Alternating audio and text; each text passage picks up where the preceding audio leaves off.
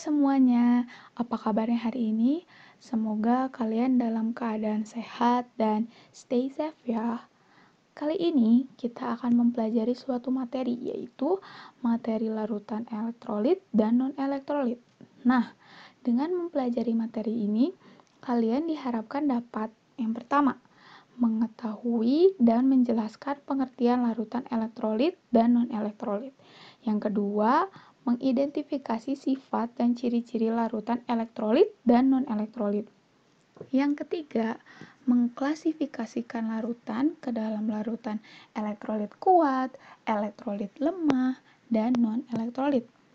Yang terakhir, mengetahui, melakukan, dan menyimpulkan percobaan uji daya hantar listrik pada berbagai larutan.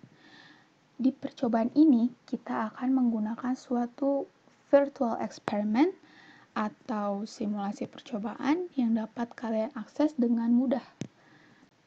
Namun, sebelum kalian masuk ke materi inti ini, sebaiknya kalian mempelajari terlebih dahulu materi-materi prasyaratnya, yaitu senyawa ion dan senyawa kovalen beserta sifatnya, lalu ada ikatan ion dan ikatan kovalen, kemudian ada larutan dan proses pelarutan.